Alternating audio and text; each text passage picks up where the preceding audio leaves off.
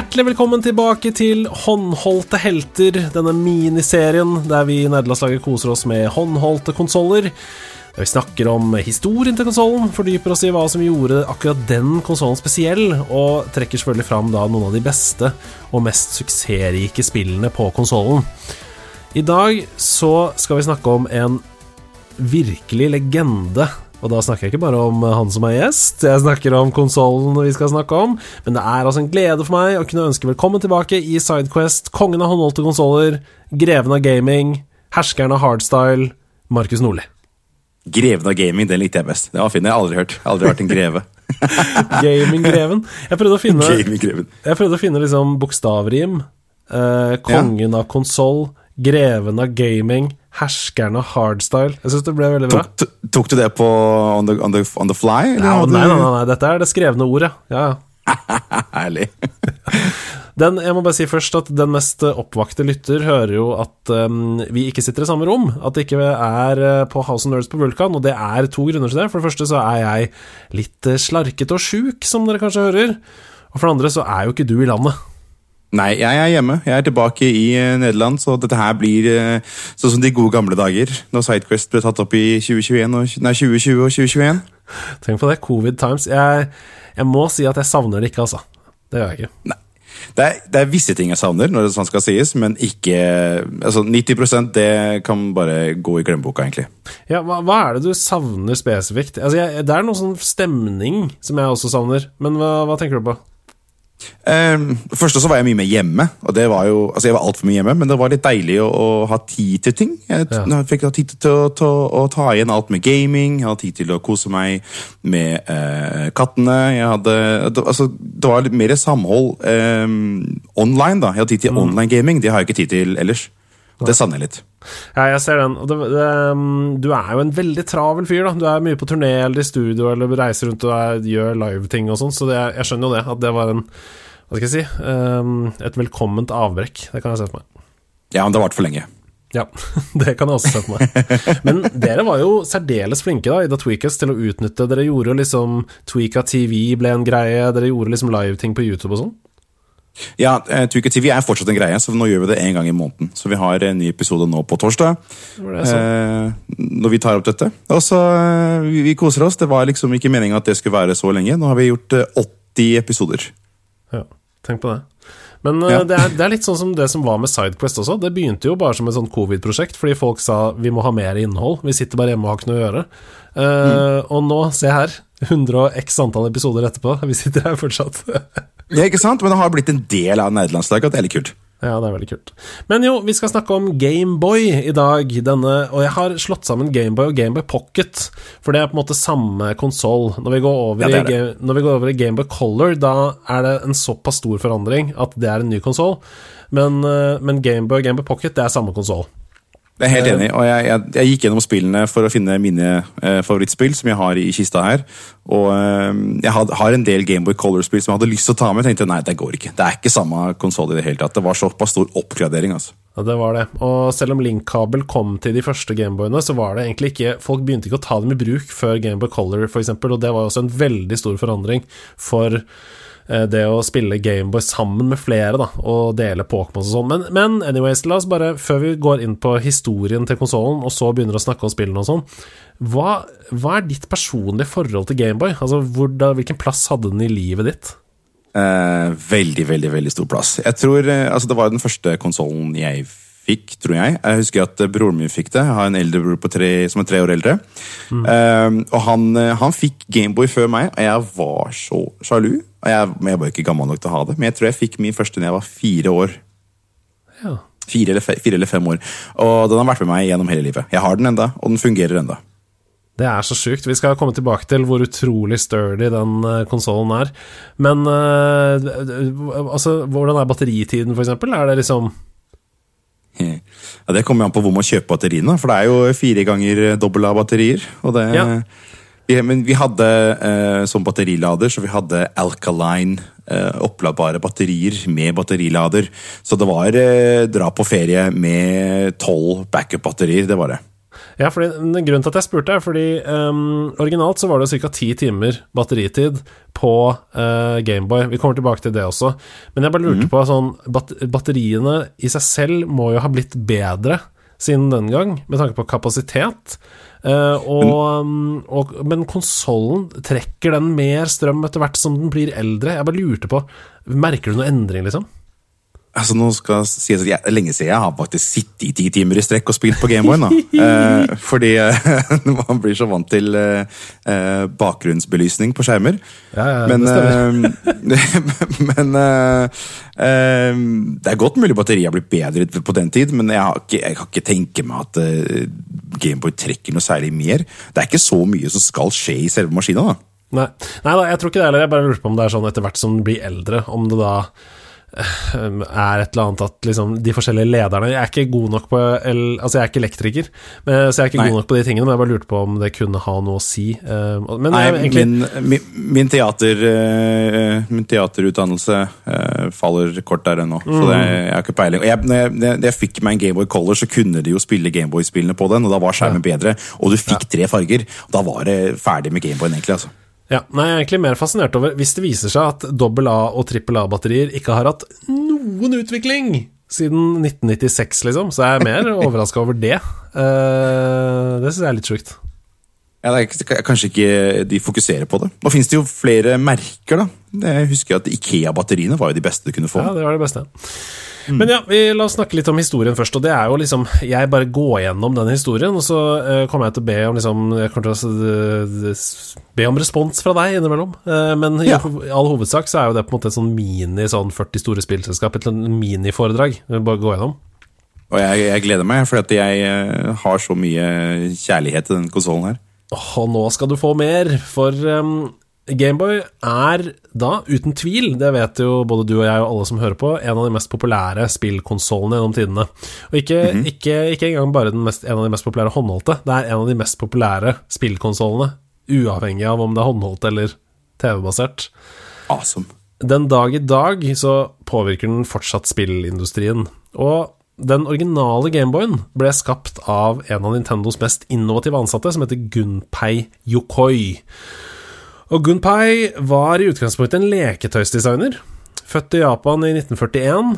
Uh, eh, hadde en veldig særegen spillsmak, men viktigst av alt et godt øye for å lage rare og kreative og fantastiske leker. Og Nintendo ja. var jo en leketøyprodusent før de begynte med, med spill. Altså Det er sant. Ja, de hadde jo kortspill først. Mm, og så hadde de liksom ulike sånne novelty-leker hjemme. Da, altså da Gunpei begynte å jobbe i Nintendo, så lagde han først noe som heter Ultra Hand. Og dette er utrolig gøy. Eh, det er en sånn utstrakt plasthånd som kan gripe ting som er langt unna. Du vet sånn Å, det er sånn derre sånn der hook, nesten? Ja, Eller, ja. Det, det, er sånn, det er et håndtak på den ene siden, og så når du trykker den ned, så blir den ja. lang. Det er sånn som de selger på f.eks. Enklere liv.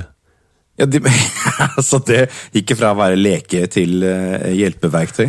Ja, fordi det er gamle folk som ikke klarer å bøye seg, f.eks., for eksempel, um, fordi de har vondt i ryggen og sånn, kan jo bruke det til å plukke opp sokker fra gulvet og sånne ting, ikke sant. Um, det er jo helt genialt. Gunpei var først i verden, altså, med denne. Tenk at uh, Gunpei, unnskyld, er det japanske Gunnar, tror du det? Oi, det, det må vi jo kunne si at det er. Uh, fordi altså Senpai er jo PAI, og dette er PEI, da, til slutt, så Gunpei Ah, Gunpei. Gunpei. Gunpei. Vi sier Gunpei, vi. Gunpei. Men at han fant opp denne Ultra Hand, det syns jeg er helt uh, fantastisk. Um, kult navn, da. Ja, veldig kult, kult navn. Uh, Nintendo sin president på den tiden, Hiroshi Yamauchi, han var så imponert over Ultra Hand at han bestemte seg for å gi Gunpei kreativ frihet til å lage mer. Oh. Um, og det var en genistrek. Hør på dette. Ja. Etter Ultrahand så setter Gunpei i gang et ambisiøst lekeprosjekt som ender opp med å bli Nintendos første håndholdte konsoll, Game Watch. Åh! Så, så han gikk rett ifra Ultrahand til Game Watch? Er ikke det helt sjukt? Det er, det er et st stort steg å hoppe, du. Game Watch, altså. For en, vi skal ikke snakke om den konsollen i dag, men for en utrolig Nei. viktig For et gjennombrudd, liksom. Ja, altså, det, var også, det var jo også der de begynte med Mario og Donkey Kong og alt sånt. Alt sånt kom jo på det først. Ja. Det, det var Plutselig kunne folk ha spill i hendene, eh, og med seg på veien, liksom. Jeg sitter med en sånn i hånda, faktisk. Jeg, da. Oi, det har du kjøpt den originale, eller den derre re... jeg har begge deler. Jeg har en Game Watch med Super Mario Bros, og så har jeg eh, en eh, gammel en med, eh, med Donkey Kong. Helt fantastisk. Utrolig gøy. Uansett, uh, Gunpei sine ambisjoner slutter jo ikke ved Game Watch. Um, det var en helt fenomenalt håndholdt konsoll, men eh, etter hvert som årene gikk, så innså Gunpei at forbrukere ønsket seg en håndholdt konsoll med et 3D-element. Da sier jeg 3D i anførselstegn. Ja, det tror jeg på. Så hva gjør Gunpei da? Åh, dette her er Dette syns jeg er helt sjukt. Dette er kanskje det sjukeste av alt. Eh, fordi Game Watch hadde jo bare venstre- og høyrepiler. Gunpei finner opp en kontrollmekanisme med fire piler, som også har opp og ned. Mine damer og herrer, Gunpei Yokoi finner opp D-pad. Er det han som er gudfaren av D-pad? Ja! Helt genialt. Å, herlighet. Det er altså så starstruck moment for meg. Er, er, altså, er det noen spillkonsoller eller håndkontroller som ikke har en eller annen form for D-pad fortsatt? Uh, Steamdeck sin kon kontroll, var det ikke det? Nei, Steam, uh, den der Steambox, var det ikke det? Ja, ja, ja fordi Steamdeck, den håndholdte, har vel D-pad. Ja, den har det, men den, den der Steam Hva heter? Steam, den konsollen som, som Valve lagde. Ja, som skulle til TV. Eh, Ja, for den hadde ja. jo bare jeg, tok, jeg vet ikke om den hadde sånn eh, D-pad. Kanskje, kanskje den hadde, jeg tror den hadde joystick og en sånn derre- en sånn der touchpad. Ja, ja, ja.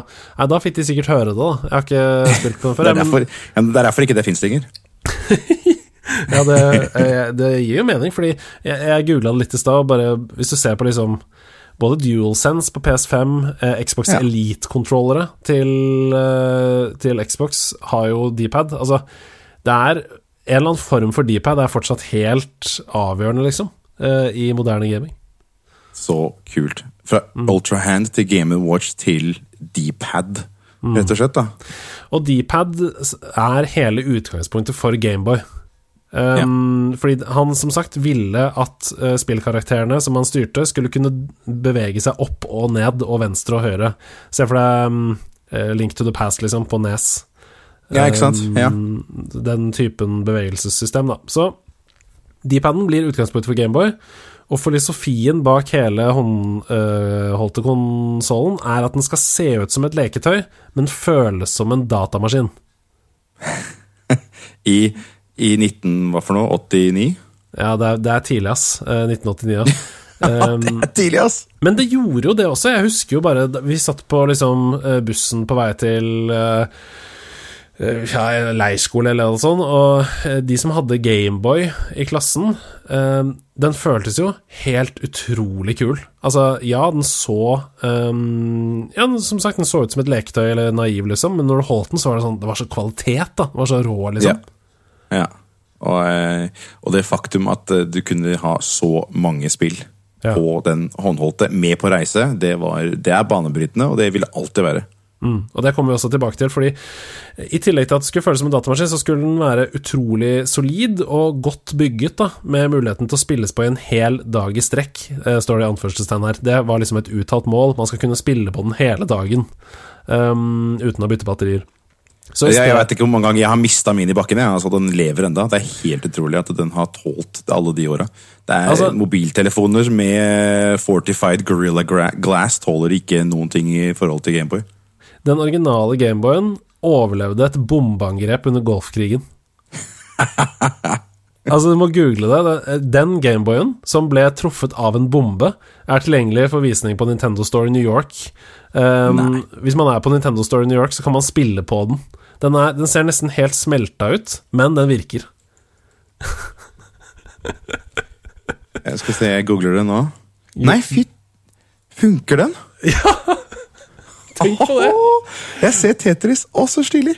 Det er, det er helt rått, og det sier litt om hvor sjukt de bygde den uh, konsollen, liksom. Så det var også noe av grunnen til at de istedenfor å gjøre den slank da, og bare ha to dobbel A-batterier i den, så designa de den større, sterkere materialer, mer solid og da mer batterikapasitet. Det skulle være liksom Ja. en, en eh, slugger av en konsoll. Og det er det. Ja, det er det. I motsetning til Game Watch, eh, som jo var sånn at hvis du kjøpte Game Watch, så måtte du bare Det var det du fikk med, det spillet som var i. Um, så ønsket da Gunpei at Gameboy skulle kunne spille en mengde spill, sånn som du sa i stad. Så de introduserte da cartridge-systemet. At spillerne kunne kjøpe hvilket som helst spill de ønsket, uten å måtte kjøpe forskjellige håndholdte enheter. For det var jo det man gjorde på den tiden, liksom. Jeg tenker at de også fant opp cartridge, da, som også er en stor del av eh, spillindustrien i dag. Ja. Jeg er usikker på om de fant opp cartridge, eller om de introduserte Nei, det systemet systemet til Gameboy, liksom. Ja, at de nå- tok det valget. Ja, for nå var det allerede til Atari og sånn, var vel egentlig på den tida der allerede. Var ikke det? Jo da. Jo da, jo da. Det og det fantes jo andre andre håndholdte også som hadde kommet tidligere. For um, uh, Gameboy traff det japanske markedet som du var inne på i stad, 21.4.1989. Og kritikerne Mhm. slakta den ganske hardt da den kom. Um, De sa skjermen er dårlig. Uh, konkurrentene har mye mer avanserte spill på sine konsoller. Uh, det er ikke noe baklys på konsollen. Uh, dette kommer ikke til å funke, sa ekspertene. Og, Ja. og viste til andre håndholdte som var bedre, da. Ok. Jeg, eh, har ikke peiling på hvilket de er engang, så se hvor mye ekspertene klarte å treffe spikeren på huet der. Det er akkurat det. For to dager etter at den kom, så var første, eh, første opplag utsolgt. Såpass, ja. Wow. 300 000 enheter på to dager. Herregud. Men det var jo liksom bare en forsmak. Eh, Gameboy solgte totalt nesten 120 millioner enheter over hele verden. Å, fytti katta! Eh, Og det er et tall som gjør den til en av tidenes bestselgende konsoller, og en av de mest ikoniske lekene fra hele 90-tallet. Står det noe pris på hvor mye kosta på den tida, eller? Nei, det har jeg ikke googla meg fram til, men det bør være Det er fordi at det, å, selge så mange eh, på den tida der, når, når teknologi ikke var særlig billig Altså 120 millioner enheter, det er jo over Ja. en hvert fall Ja, en 10-15 årsperiode, sikkert. Sikkert mer enn det òg. Ja, Um, ja, selvfølgelig. Folk kjøpte jo sikkert fortsatt den etter at uh, Pocket kom, og så Ja, altså, um, jeg var jo Jeg er født i 88, og jeg husker jo at jeg satt liksom på um, busstur til fotballcup. Da, kan- da må jeg ha vært liksom ti. Eh, Ja. Og da satt folk og spilte på den vanlige Gameboyen. Ja. Eh, og det var i 1999, så det, det kan ha vært at de har arva den av sine søsken, eller hva som helst, men det var ikke noe uvanlig å se det da, liksom. Nei, Eh, ti år etter at den kom. det skjer ikke nå lenger. Nei, det skjer ikke nå lenger. Men, men uh, uansett, Nintendo visste jo dette. De hadde skapt noe helt utrolig. Uh, det skjønte de. Uh, Gameboy endret egenhendig spillindustrien til noe bedre. Ja. Um, den 21. juli 1996, syv år etter, så kom de da med Gameboy Pocket. Ja. En lettere, mer bærbar håndholdt som skulle kunne gjøre alt som originalen kunne, bare bedre. Um, de endra skjermen litt, uh, sånn at det ble svart-hvit skjerm istedenfor sånn Det var bare gråtoner på den første. Um, og det gjorde at det kunne være tydeligere animasjoner, uh, og mye mindre uskarphet, da, spesielt på raske spill. Jeg husker at på Gameboy, hvis du spilte veldig sånn raske spill, så kunne det bli blurry. Husker du det? Ja. Ja, så på slutten eh, av eh, Si Tetris, da. Så på slutten av Tetris så går det fort ass, når de, de blokkene kommer nedover. Det er ikke sjans på den gamle Gameboyen. På Pocketen så var det mye lettere, for det var mye klarere kontrast. Det var mye bedre um, uh, Det ble nesten sånn som Game Watchen, da. Ja, det er sant, det, ass. Uh, det ble bare Ja, det var svart-hvitt istedenfor gråtoner. Ja. Uh, og så gikk de da på Game of Pocket i stedet for fire dobbel A-batterier, så bytta de til tre trippel A-batterier. Uh, og greide samtidig da å holde uh, levetiden på ti timer. Yes. ja, men det var jo mye mindre. Det var jo også mye mindre ehm, skjerm. Nei, for skjermen er like stor. Jeg, jeg er usikker. Krevde i hvert fall mindre strøm. Ja. Eh, det som, det som eh, At de gikk ned fra fire dobbel A til tre trippel A, det gjorde at Ja. eh, den ble tynnere. Ja. Men det gjorde også at de måtte forsake batterilyset. Husker du det der at det sto 'power', og så ble det svakere og svakere etter hvert? Ja, ja. Og de, fikk- de fjerna den på pocket. Ja, de fjerna det, og det var veldig frustrerende for masse kunder, fordi det at lyset ble svakere, det minna jo mange spillere på å lagre, sant? Ja, det var jo veldig sånn Hvis jeg plukka opp eh, eh, Gameboyen før jeg skulle på hyttetur eller leirskole, på den tida, da, så var det også sånn at jeg pleide å skru den på for å se hvor sterkt det lyset var. Ja, For å se om den ville vare hele turen. Jeg husker det så godt. Og eh, at folk så at det ble svakere. Det var sånn 'Å, shit, jeg må lagre', eller og, jeg må finne fram batterier', og sånn. Men fordi den ikke hadde lys, så kunne jo konsollen bare dø uten forvarsel. Og Det, da er- også save Ja, den, ikke sant. Ja, nei, det er slemt, altså. Så jeg har spilt fem timer og holdt på å grinde i Pokémon, f.eks., og så dør saven din, så må du begynne på samme sted. Eh, Ja, altså, Hva med de spillene som du ikke kunne save på? da? Hvis du begynte på nytt på et slikt et, og så kom du til, mot slutten, og så bare døde den? Det, det hadde blitt så sur, jeg. På grunn av det så kom batterilyset tilbake i en senere Ah. uh, utvikling av Gameboy Pocket, men den var ikke med fra starten. Nei, okay. Vi skal runde av historien her. Jeg skal bare runde av også historien til Gunpei, fordi Gameboy Pocket var hans siste prosjekt for Nintendo. Ah. Den 15. august 1996 så forlater han spillgiganten for godt, etter å ha jobba der 31 år. Um, Og Nintendo er utrolig lei seg for det. det er, de har stor sorg og fortvilelse i selskapet. De mister altså en av sine mest innovative medarbeiderne som de noen gang hadde ansatt. Eh, Mannen Ja. bak Gameboy, Gameboy Pocket, mannen bak D-pad. Altså, ja, de tilbød han uh, gull og grønne skoger, alt han ville ha for å fortsette å være i Nintendo. Men han dro fra Nintendo for å følge sin egen drøm om å lage sin egen håndholdte konsoll. Oi, ok. Og sammen med en gjeng kollegaer så lagde de da selskapet Koto, som kom opp med den håndholdte konsollen Wonderswan. Åh, oh, den har jeg, jeg har sett en YouTube-video om den. Den eh, gikk ikke så bra. Jo, det, det er det som er greia, skjønner du. Fordi eh, dessverre, da, kort tid etter at eh, han fulgte drømmen om å lage Wonderzone, så døde Gunpei. Oh, Eh, han, døde, han døde 4. oktober 1997 i en trafikkulykke. Uff. Og det er helt tragisk, for han fikk aldri oppleve at Wonderswan solgte 3,5 millioner eksemplarer. Eh, Hvor da? Det må ha vært på det japanske markedet. Ja, og på et tidspunkt hadde nesten 10% av markedet i Japan. Oi, såpass. Så Gunpei gjorde det igjen. 10% av markedet når du står opp mot Nintendo, et helt nytt selskap, ikke noe rykte. Mm. Eh, ingen, ikke noen store spilltitler sånn som Mario eller Donkey Kong eller sånn. Det er ganske om- utrolig, altså. Tenk om han hadde ikke dødd i den ulykka. Tenk så mye han hadde klart å bidra til spillindustrien. Ja. Men samtidig, Ja, ja. Han har Han bidratt altså, enormt mye ja. allerede, men, men jeg er helt enig. Det er, det er veldig trist og, og synd. Så for å oppsummere, Gunpei Yokois evne til å finne opp små, fantastiske leker førte til at han utviklet en håndholdt enhet som har forårsaket så utrolig mye spilleglede for så mange. Og jeg hadde jo ikke noen anelse om det i det hele tatt. Jeg visste ikke om han fyren i det hele tatt. Så jeg ville bare bruke litt av denne episoden til å fokusere på han. For en legende av en mann. ja. For en legende. Og ikke bare nok med at han har uh, gjort dette for spillindustrien, men han har uh, gjort det for mange mennesker som uh, kan kjøpe Ultra Arm på enklere liv. ja! Det er akkurat det. For en, for en deilig, deilig fyr. Nei, men nå har vi bakgrunnshistorien, og da er det jo selvfølgelig på tide å begynne å snakke litt om de fem spillene som du har tatt med deg hit i dag. dag. Og dette er helt unikt, fordi da jeg ba deg velge en spill, så sendte du meg ikke bare titler på spillene, du sendte meg bilder av cartridgene. Ja, fordi jeg var, eh, jeg var i Manchester i helga, og når du sa kan du velge fem spill, jeg, jeg må hjem og se på spillene. Jeg kan ikke bare ta det på toppen av huet. Eh, jeg må hjem og se på spillene, det gjorde jeg. Da fant jeg alle disse cartridgene som jeg har ved siden av meg her.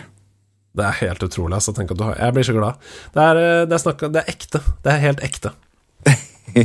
det er det. Vi begynner med det første på lista. Jeg har ikke sortert dem etter kronologisk rekkefølge, jeg bare tar det én og én. Og det første er jo et spill som er Altså, det er fylt med kreativitet. For et kreativt overskudd, for en variasjon i det spillet. Det er Looney Tunes.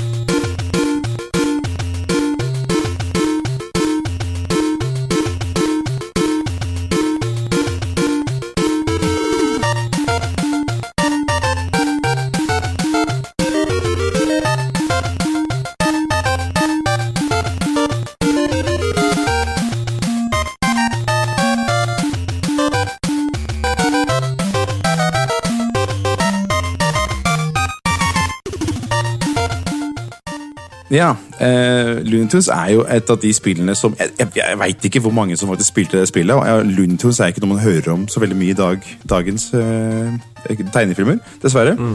Men Looney Tunes er jo da med Daffy og, og Snurre Sprett og så videre. Eh, men det mm. som er litt kult, det er, det er en platformerspill. Det som er så kult, og som skiller dette spillet her ut fra andre platformerspill, er at hver eneste bane er en forskjellig karakter. Ja. Du spiller én bane. Første bane spiller du som Duffy. Eh, andre bane spiller du som Pip, for eksempel, som skal løpe ja, ja. fra Sylvester. Og så tredje bane så spiller du som eh, hva heter det på norsk? Pelle Pellepigg. Um, og, og, og da, plutselig, da, plutselig, går du fra å være platformer, vanlig platformer til å bli en uh, side-scrolling shooter, hvor du er et fly som skal skyte. Og det er det, det som altså, er så sjukt. Ja, At de bare de slang så mange forskjellige typer spill inn i ett spill. Det hadde jeg aldri sett før, husker jeg.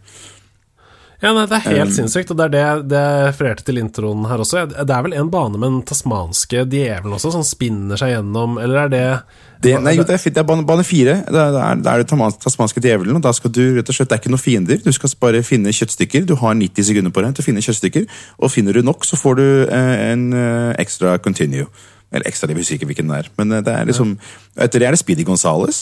Og så etter Speedy Gonzales så tror jeg det er uh, Bug Nei, så er det Bippe Stankelbein. Og ja. da blir det automatisk side-scrolling runner, hvor du må løpe fra Per Ulv. Og så ja, etter det, så er det Han prøver å kaste noen sånne uh, vekter Acme, på deg. Sånn. Acme-vekter, dette. Gode, gamle Looney Tunes. Um, og skyte sånne raketter på deg. Og sånn. Og det husker jeg jeg døde så mange ganger på den banen, fordi det, det er jo en, en runner. Uh, ja. Så man, Den går jo automatisk, og man må bare dodge og hoppe. Men uh, mm. fytti gata som jeg elsker det spillet der. Og så siste bane så spiller du da som Snurre spredt, og bossen er da Elme Mid. Eh, ja, for det er bosser og sånn, eller er det bare én boss? boss? Det, er, det, er, boss på første bane, det er boss på tredje bane, og det er boss på femte bane, og så er det boss ja. på syvende bane. Det er helt utrolig. Fy søren. Ja. Uh, det spillet Altså, flere er nødt til å Flere spillutviklere bør se på det spillet, fordi de har ikke sagt noen grenser for seg selv for hva spillet kan være. Ja, det er et plattformspill, men det er tusen forskjellige approaches liksom, i ett og samme spill, og det tror jeg. Et og samme spill, og det er altså helt utrolig. Og alt dette her, det som er litt morsomt, fordi ok, du husker hvordan det var å spille spillene når du var liten. ikke sant? Det, ja, ja. det føltes jo ut som de var kjempelange spill, for de døde jo hele tida, kunne ikke save osv. Vet du hva time to beat er på det spillet her? Uh, altså hva liksom speedrun er i verden, eller hva ja. din nei, nei, nei, vanlig average time to beat på det spillet der.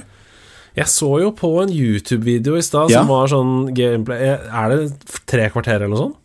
21 minutter. Men det føltes jo ut som jeg kunne spille det spillet her i flere timer på en hel dag. Ja, ja, ja, ikke, altså, 21 minutter. 21 minutter er average. Men det er det som er så gøy med um, Hvis du ser på gamle sånn retrospill som kommer på, på Switch og sånn nå Jeg spilte jo Super Mario Land, det derre Six Golden Coins-spillet. Ja, det og det er også bare sånn helt sjukt hvor kort det er. Altså, jeg bare ja, det er det. dundra meg gjennom, men det var jo fordi jeg hadde um, pro-controller og sånn. Ja, det er jo litt lettere enn å sitte og spille på en Gameboy, uh, D-pad og A og B, men, men likevel. Ja. Fantastisk spill, men så lett. ja. Altså, Six Golden Coins er ikke akkurat kjent for å være vanskelig, da. Nei. Ok, så bare, okay, bare slå ned selvtilliten min på den måten. Det er greit. Unnskyld. men, eh, nei, men det spillet der, det er, eh, det er helt uh, fantastisk hvis man ikke har spilt det. Og hvis det kommer på Switch, uh, på uh, Virtual Console på Switch, så burde man prøve det. Helt klart. Det er et av de store spillene som jeg føler at ikke mange veit om på, på Gameboy. Jeg er helt enig. Ok, vi skal videre til uh, neste spiller på lista di, uh, og det er en oppfølger. Tiny Toon Adventures 2 Montanas Movie Madness.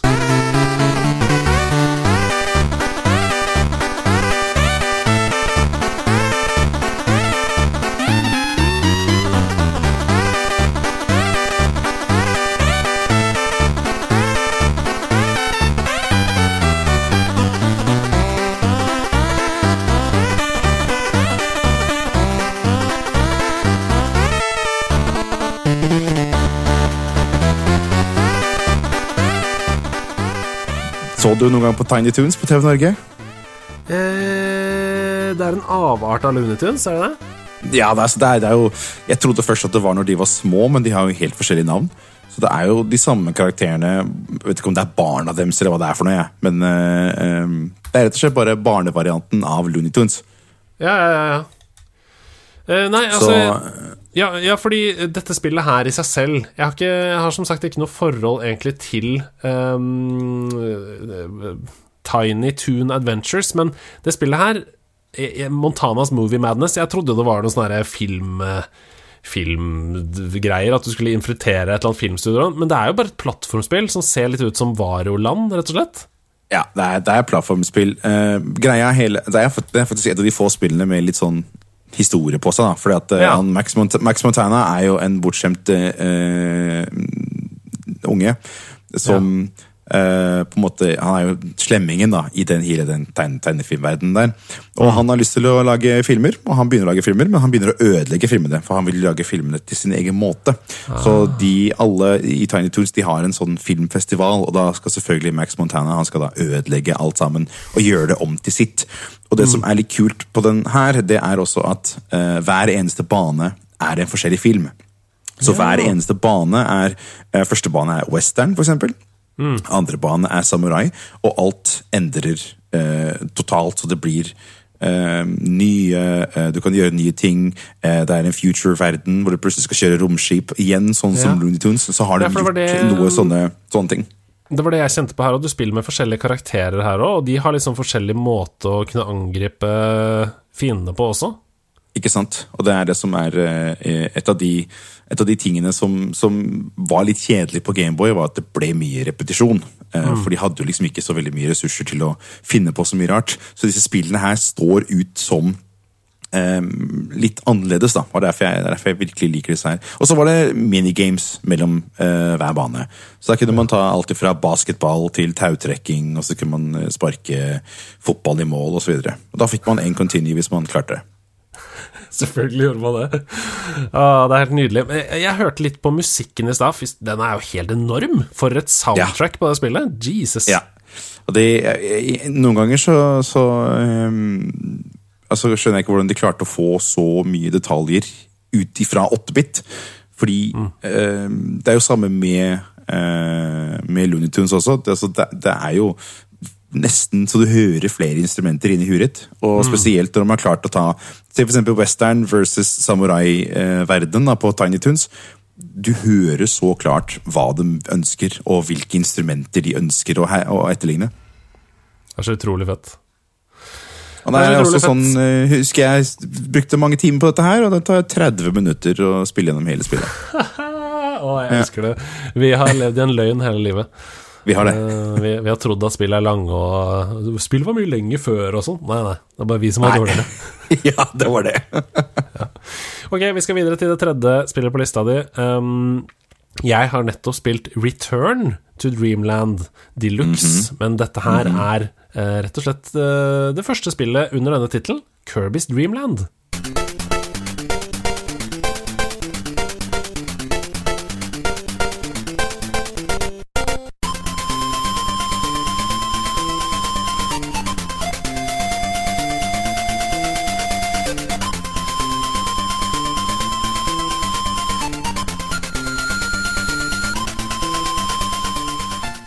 Og dette er det første spillet i Kirby-serien i det hele tatt. Ja. Faktisk. Um, og jeg leste litt om, om dette her, um, om Kirby. Dette er jo også det første 2D-plattformspillet i Kirby-serien. Um, så dette her starta jo hele greia. Um, starta, starta jo hele historien med alle disse karakterene som Kirby etter hvert har hatt med i alle seriene. Og det er litt kult å se at de bruker de samme karakterene, de bruker de samme fiendene. Og, og verdenen har alltid vært det samme. Og noe jeg liker med Kirby, er jo da selvfølgelig at uh, musikken altså Du hører musikken til Kirby, så tenker du ult ultrasøtt. Altså spillet Ja, ja, er søtt. Kirby er søt, og alt er så Alt er så eh, fargerikt, selv om det var uten farger da, på den tida. Men uh, det jeg leste om, var at Kirby faktisk ikke skulle se sånn ut. Han var egentlig bare en placeholder. Oh, ja. Så de, de lagde design av Kirby eh, som en runding med eh, løse armer og bein, rett og slett. Um, som, som ikke, de gadd liksom ikke å bruke noe tid på det. Og så skulle de designe en, en annen karakter senere, som skulle ta over for Kirby. Hadde ikke det samme navn, husker ikke hva han het. Um, men de rett og slett ble så glad i Kirby at de beholdt Kirby som en karakter. Og tenk deg at det har, altså, det har vært i alle spill, nesten. altså. Siden, Ja, ja. Nintendo siden den gang. Og det er så kult å tenke på at de bare Nei, vet du hva, han her eh, må vi bare beholde. Han så sitter så dypt i hjertet. Men Kirby er en helt nydelig karakter. Det er bare eh, så, så unik, og så skiller seg fra egentlig alt annet man kjenner fra den typen spill. da Ja, for dette her var jo også så, så nytenkende. Måtte kunne suge inn fiendene dine for å, for å skyte. Mm. Og så kunne du trykke opp for å suge inn luft, og så kunne du fly. Det ble selvfølgelig mye treigere, på den, altså som, sånn som alle andre Kirby-spill. Men eh, tenk at det, det var liksom disse nye teknikkene. Da. Det var de som først brukte det i, eh, i det første Kirby som kom til, da, som kom til Gameboy. Ja, det er grensesprengende. Og why change a winning team, liksom? Jeg syns jo um, Den mekanikken i seg selv jeg, jeg, jeg kan ikke se noen liksom konkrete plattformspillutfordrere som har ta, Altså, uh, det er nesten det nærmeste du kommer, er Super Mario Odyssey, som tar uh, lua til Mario og gjør at du kaster den på andre, og så blir man til en dinosaur, eller man blir til en søppelkasse, liksom. Men det å svelge fiender og så arve deres egenskaper. Det er bare sånn Det er så genialt, da. Ja, det er det. Det er, så, det er så enkelt at ingen har tenkt på det tidligere, liksom. Men det er så, mm. det er så sånn når, man, når jeg, først, Jeg husker den første gjorde det i uh, Super Mario Odyssey, så ble jeg helt sånn Dette her er det beste som fins. Å være en dinosaur. Det er så gøy.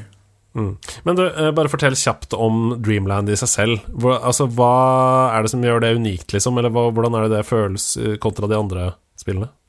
Um, Dreamland er jo da.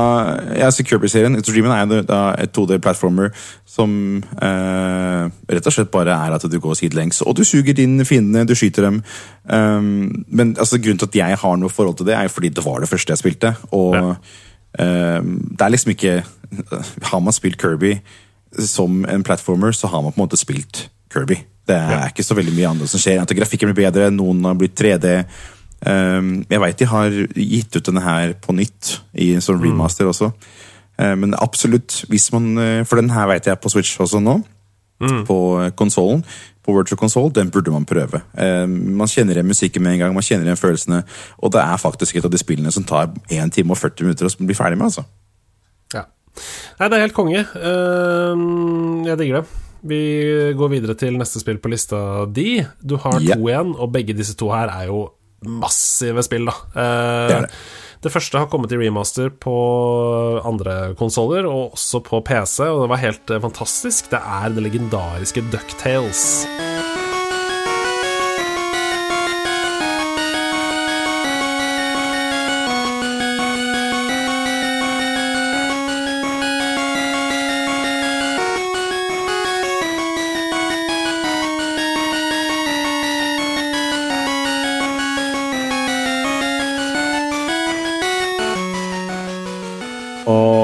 Man snakker om Ducktales på Gameboy, så er det litt mindre bakhistorie enn det er på remasteren. Um, fordi når jeg, jeg begynte å spille den remasteren på PC, så tenkte jeg jøss, er det law? Er det faktisk law her? Er det, visste, er, det, er det en story? Fordi eh, Ducktales eh, begynner jo bare rett på menyen. Og man kan velge f.eks. dra til eh, Transylvania, Amazon, African Mile, Mines, The Himalayas. Eller The Moon, som for så vidt har tidenes soundtrack. Moontheme, ass. Vi har snakka oh. om det før, men det er helt eh, Det er helt Ja, det er, oh, det er en av de beste låtene jeg vet om, tror jeg. Og den er eh, like fin på Gameboy som den er i remasteren, bare så det er sagt. Jeg er helt enig. Um, men det er nok et plattform, plattformspill. Det var liksom det som var det store på Gameboy, selvfølgelig. Det var jo platforms som var eh, enkelt å lage, um, og kunne variere nok. Um, man spiller som eh, Onkel Skrue. Som uh, Jeg lurer på Det, det jeg leste av uh, historien på Gameboy da, før de lagde remasteren, for i remasteren så er det jo B-gjengen som begynner å stjele ting, er det ikke det? Jo, de prøver å komme seg inn i pengepingen osv. videre Um, I en, uh, i en, holdt jeg på å si. Altså, på Gameboy så er det bare eh, rett og slett at eh, onkel Skrue vil eh, samle sammen de eh, mest verdifulle skattene som er gjemt over hele verden. Ja, Det er, stemmer det. det, er ikke, Stemmer det det. er ikke så veldig mye mer enn det. Um, annet at Det som er litt kult, er at man møter Ole Dole Doffen osv., og, og så blir det litt litt sånn Metroidvania, ved at man får beskjed om at nei, men her kan ikke du gå, fordi det ligger en nøkkel i et annet land. Mm, mm. Så må man reise til, land, til, det landet, og så må man plukke opp en nøkkel der, og så møter man uh, Gizmo Duck, og så fly litt med rotor, og det er bare kos. Ja.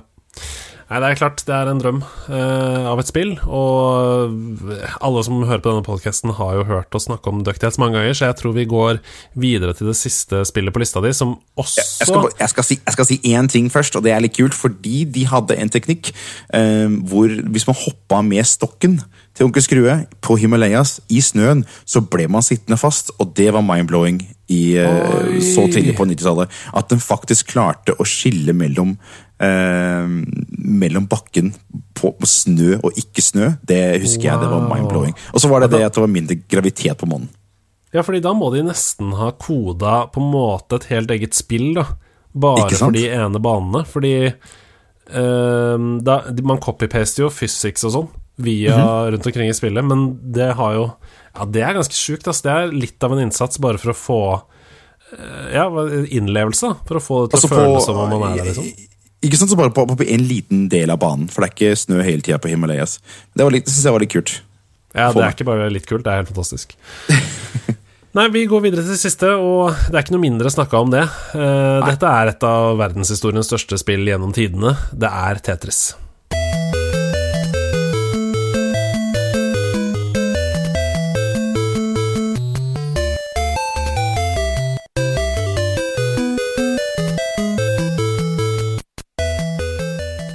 Føler at det er ikke så veldig mye å si om Tetris. Altså, Alle har hørt om Tetris. og Det finnes jo mange det er verdens uh, varianter av Tetris. Um, Tetris 99, for eksempel, som jeg husker jeg elska og spilte så mye når det kom på Switch. Mm. Um, Men var dette det første, liksom? Var, var Tetris på Gameboy første gang vi møtte Tetris? Det er jeg litt usikker på. Det må jeg google mens du snakker.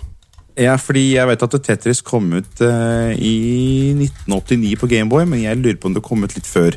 Jeg tror det er det første Nei, sorry, det kom ut i Europa i 1990. Så jeg er i 28. september 1990. Så det er jo før uh, det kom på Nintendo, men jeg husker. Men jeg husker at det, altså, man fikk jo Tetris med Gameboyen. Ja, jeg har jo sett den derre um, uh, Tetris-filmen, altså tra ja, ja. traileren. Og det, det, er jo originalt et uh, russisk uh, spill som kom i ja. Sovjet i 1984. Men jeg bare tenker på for Vesten. Altså, var, var um, Tetris på Gameboy første gang vi fikk møte Tetris? Jeg må bare se. Det er et godt spørsmål, faktisk. Men det er jo, eh, selv du ser jo det på når du starter Tetris, så er det jo russisk tema. Altså det er jo, føles jo veldig russisk ut. Ja. Så de har jo beholdt det. Mirrorsoft, som er eh, den amerikanske publisheren, uh, released ported Tetris to platforms including Amiga, Atari, Spektrum, Commodore uh, og Amstrad. Uh, og det kom da i um, The Spectrum Holobite ja, januar 1988. Ok, ok, så de var to år først, ja. Til PC, da. Det burde vi kanskje visst uh, før vi begynte å snakke, for det høres ut som det er sånn Å, var Gameboy første stedet det kom, egentlig? Vi er okay, veldig Nintendo-fokuserte, okay, men, ja, men, sånn, det var sånn er det å vokse opp i Norge. Første gang det var håndholdt. Ja, det var det definitivt. Uh, kanskje. Ja. er ikke sikkert, det heller. Han fikk jo kjøpt sånne, han fikk kjøpt sånne eh, nesten Game Watch med Tetris, husker jeg. Ja, ja, ja. På, på taxfree-en på danskebåten. Nei, ikke ta noe av det vi sier for god fisk. Dette er en entusiastpodkast. Sidequest er eh, lave skuldre, lite research og god stemning. Um, men Tetris i seg selv er jo et helt legendarisk spill. Det er, det er, på mange måter det perfekte spill, med stor D, stor P, stor S, stor S. Altså, jeg, jeg, jeg, Det første jeg spilte på Virtual Console på Switch, var Tetris. Mm. Det var første jeg åpna. Um, det er jo så enkelt å bare pick up and play. Ta, uh, spille til man dør, og så slutter man. Ferdig. Mm. Nei, det er helt utrolig. Uh, I denne Håndholdte helter-serien så er det sånn at vi til slutt går gjennom en serie da med uh, de topp 15, uh, eller i hvert fall toppspillene på konsollen. Ja. De mest solgte spillene. Og Gameboy er en helt bananas konsoll. Altså, det er så mange spill som har solgt et helt enormt antall kopier. Det er 66 spill som har solgt én million eller flere eksemplarer. Oi. Oi, stakkars. Eh, Sammenligna med Vitan, for eksempel. ja, ja, ja. Det, og det var, der var det ett spill eller noe sånt? Det var kanskje ikke ett spill Ja, det var, det var, Emily? jeg tror ikke det var ett spill engang. Nei, så vi er nødt til å sette grensa ved topp 15. Nå kommer jeg bare Ja. som tidligere til å lese opp spilltitler, og så kan vi stoppe da ved de som vi har lyst til å snakke mer om. Mhm. Så kan vi se hvor mange av de spillene du nevnte, som også var på topp 15-lista. Oh, ja. På 15.-plass med 3,4 millioner solgte eksemplarer, F1 Race. Formel 1-spill. Aldri spilt. Nei, det er ikke ikke noe, altså Formel 1-spill på Gameboy, det tror jeg ikke var det store. Nei, det Nei. På 14.-plass, og dette ble overraska meg, egentlig, for dette var en sånn nisje for meg, men jeg, jeg skjønner det når jeg ser det. Eh, 3,7 millioner solgt. Pokémon Trading Card Game. Det var jo Pokémon-kortspillet på Gameboy. På det, Visste jeg ikke fantes engang. Jo, nei, det er ganske kult. Jeg har, jeg har spilt det selv, og um, det var liksom et par stykker som hadde det. Men det var bare fordi alle hadde Pokémon, og så er det noen foreldre som har kjøpt feil, på en måte. det, det var det. Det gikk på Libris og kjøpte feil spill. Ja, nei, men, men det var rett og slett uh, kortspillet. Altså, du måtte spille antall energy for å kunne gjøre moves og sånn, uh, og det funka veldig bra. Det er et uh, Kunne man, prisbelønt kunne man der spille mot hverandre og linke opp sånn, eller? Ja, ja, ja, ja, ja, ja, ja, ja. Kult. Så det var det som gjorde det kult. På 13.-plass, 3,8 millioner solgte The Legend of Zelda Links Awakening. Det spilte jeg faktisk aldri før du kom med remasteren. Eh, Ikke heller. Nei, og remasteren er kjempefin, men jeg har aldri spilt, eh, spilt originalen. Jeg tror ikke jeg kommer til å gjøre det heller. På 12.-plass, 3,9 millioner solgte eksemplarer, Donkey Kong Land. Å, det har jeg, faktisk. Ja, og det er jo Donkey Kong Country porta til Gameboy, lagt til noen baner og sånn, og endra litt grann på. Ja. Mm. Eh, jeg husker grafikken var veldig fin for Gameboy. Mm. Eh, og nå ser jeg her at uh, på denne lista så er det noen Gameboy Color-plattformer også. Jeg er usikker på om disse spillene som jeg snakker om, kom til vanlig Gameboy også. Uh, okay. Jeg tror kanskje det. Vi får se. Det er i hvert fall yeah. Legend of Zelda, Oracle of Seasons og Oracle of Ages. Den tror jeg faktisk er bare på Gameboy Color, for jeg har begge to her. Og jeg trodde jeg hadde dem på vanlig eh, cartridge, men jeg Mm. tror det bare er Gameboy Color, altså. Da hopper, vi det, men det er fantastiske spill uansett. Det er helt fantastiske spill. da hopper vi til niendeplassen, Kirby's Dreamland. Hey, det har vi snakka om. 5,1 millioner solgte eksemplarer. er ikke gærent. Nei, det er ikke gærent. Og bare, bare 60 000 flere eksemplarer. Uh, Varuland. Supermann 3. Altså det første? Varuland-spillet. Ja, og uh, det er favorittvarelandspillet mitt, faktisk. Ja. Eh, Det er det, var banebrytende, at du kunne dashe, og det var helt annen feeling. Altså, alt var mye større. Eh, man døde ikke på samme måte. Altså, jeg synes eh, Vareland var det jo generelt som en karakter, har eh, alltid fascinert meg. Vi hopper til sjetteplass. 5,3 millioner eksemplarer. På en måte snakka om allerede, for dette er en variant av Tetris. Det er Doktor Mario. Ah, selvfølgelig.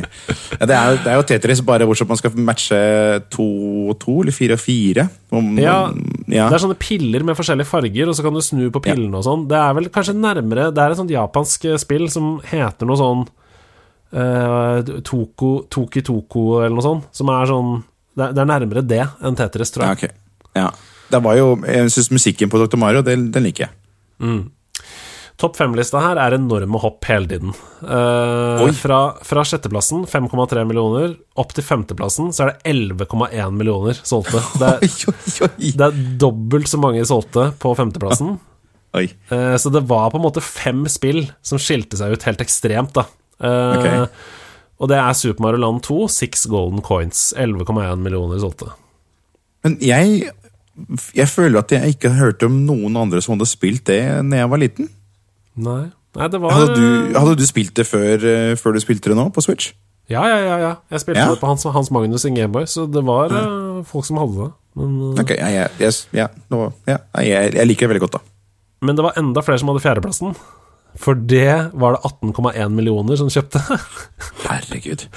Og det er Super Mario Land 1. Ja, Altså- ja men, men det, er jo es- Ja, hva skal man si?